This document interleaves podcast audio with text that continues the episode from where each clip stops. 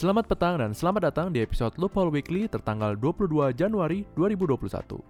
Loophole Weekly merupakan podcast dari Loophole Academy yang membawakan beberapa isu menarik dalam sepekan.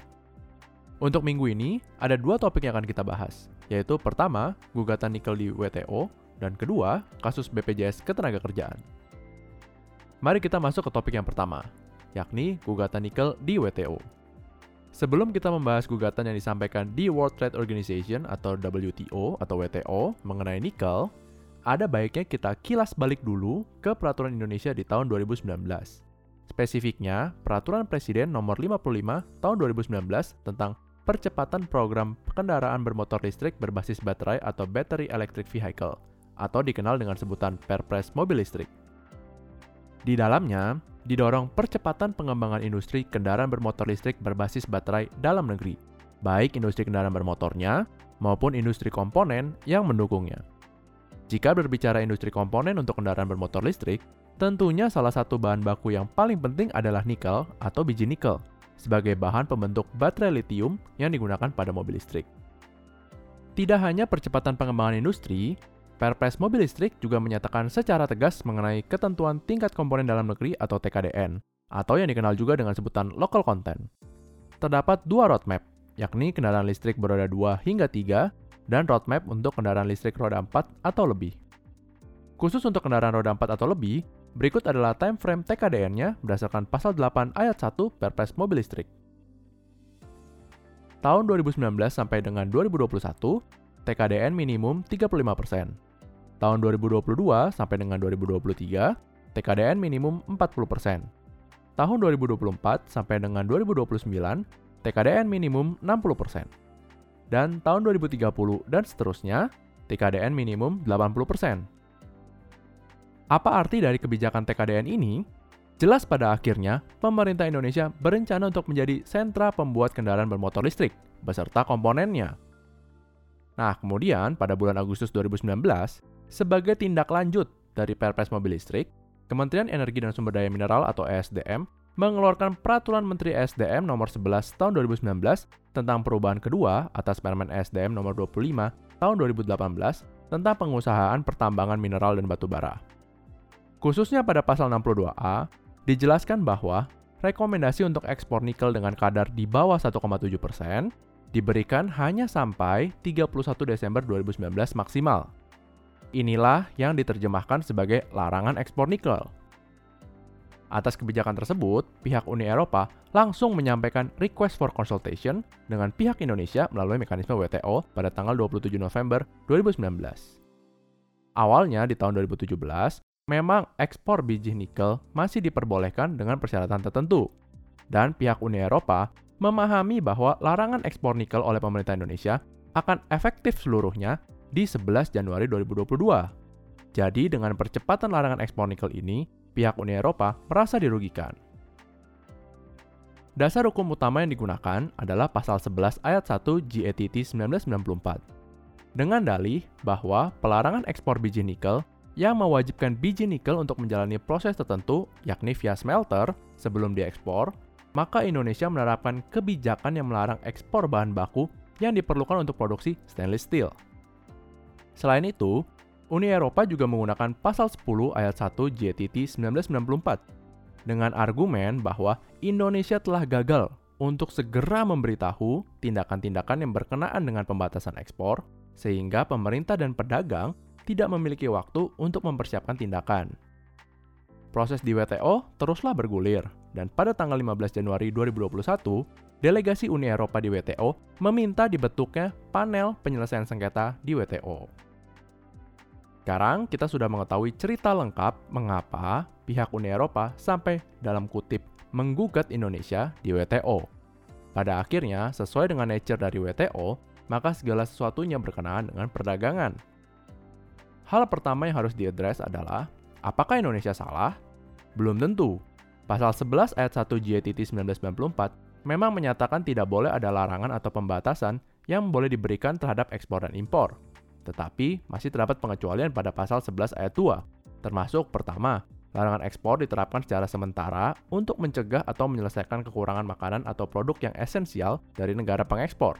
Atau argumen kedua, larangan ekspor dibutuhkan untuk penerapan standar atau peraturan terkait klasifikasi, pemeringkatan, atau pemasaran komoditas di perdagangan internasional. Kuasa hukum Indonesia di WTO masih bisa berdalih menggunakan beberapa argumen di atas. Namun, memang lebih baik apabila pemerintah Indonesia tidak melarang ekspor, tetapi mengenakan bea ekspor yang sangatlah tinggi hingga ekspor nikel menjadi tidak worthy dibandingkan dengan pemrosesan di dalam negeri lewat smelter. Selain itu, walaupun Indonesia terbukti salah, terdapat dua loophole dalam mekanisme penyelesaian sengketa WTO. Yang pertama, waktu yang dibutuhkan sangatlah lama dan berbelit-belit, serta membutuhkan biaya yang sangatlah besar. Dilihat saja, dari November 2019 hingga Januari 2021, baru bisa dimintakan pembentukan panel. Kemungkinan panel akan memeriksa perkara selama 1-2 tahun ke depan. Kemudian, apabila dikeluarkan sebuah putusan, katakanlah di tahun 2023, masih bisa diajukan banding.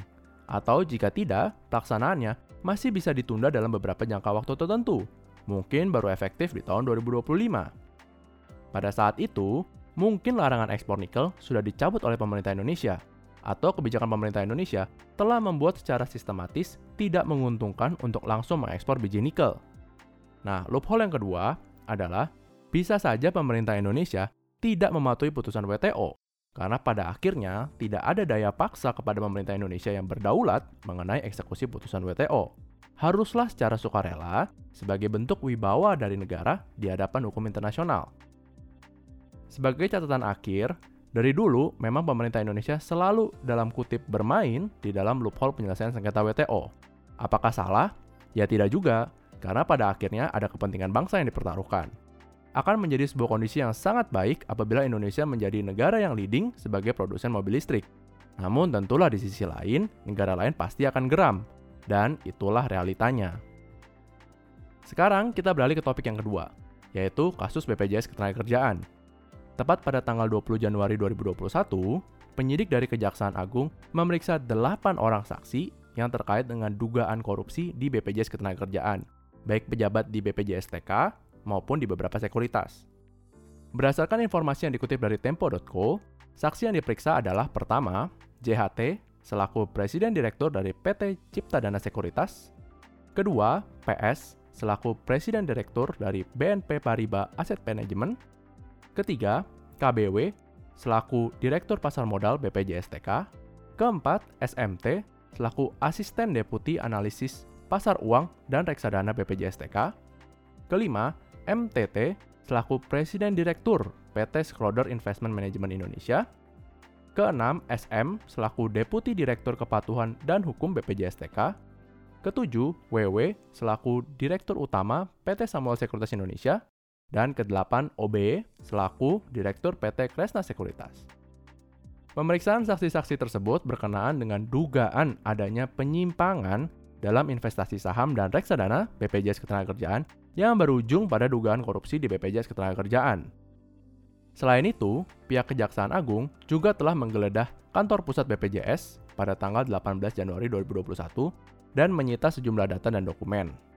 Sebagaimana dilansir dari tribunnews.com, Jaksa Agung Muda Tipitsus menyebutkan bahwa kasus dugaan korupsi di BPJS Ketenagakerjaan diduga mirip dengan kasus yang menimpa Jiwasraya. Patut diingat bahwa dalam kasus Jiwasraya, terdapat empat orang yang dihukum seumur hidup, termasuk Heru Hidayat dan Beni Cokro Saputro yang berperan sebagai pengelola dana investasi. Namun di sisi lain, sebagaimana dibaca pada merdeka.com, Ketua Advokasi BPJS Watch Timbul Siregar menegaskan bahwa kasusnya beda antara BPJS Ketenagakerjaan dengan kasus Jiwasraya dan Asabri, karena tidak ada keterlibatan Beni Cokro Saputro. Selain itu, Timbul Siregar juga menegaskan bahwa portofolio saham BPJS Ketenagakerjaan bekerja relatif baik dan ditempatkan ke saham LQ45, yakni saham-saham blue chip. Di samping itu, Otoritas Jasa Keuangan atau OJK berdasarkan surat edaran OJK nomor 2 tahun 2021 BPJS Ketenagakerjaan dan BPJS Kesehatan diminta untuk memberikan rencana bisnis, termasuk di dalamnya rencana investasi kepada OJK. Apakah benar terjadi korupsi dari pengelolaan investasi yang tidak benar di tubuh BPJS Ketenagakerjaan? Penyidikan adanya pengelolaan investasi yang tidak benar memanglah baik. Tetapi jika menggunakan ketentuan pasal tindak pidana korupsi terus-menerus, tentulah kurang begitu tepat, meskipun memang definisi dari keuangan negara sangatlah luas sekarang ini. Kami tetap mendukung untuk diperbaharunya Undang-Undang Pasar Modal, terutama mengenai ketentuan pidana, sehingga pengenaan unsur pidananya akan lebih tepat sasaran dibandingkan merugikan keuangan negara. Alhasil, semoga kasus BPJS Ketenagakerjaan tetap dapat diusut tuntas dan tidak menimbulkan risiko yang besar terhadap sistem keuangan. Untuk mendalami lebih lanjut kasus yang menimpa Jiwasraya, silahkan cek highlight IG story kami di @tupolakademi ya. Demikian adalah rangkuman singkat beberapa isu hukum yang patut dicermati dalam minggu ini. Terima kasih telah mendengarkan dan jangan lupa untuk terus ikuti media sosial Lupol Academy di Instagram dan Twitter @lupolacademy. Sampai jumpa minggu depan.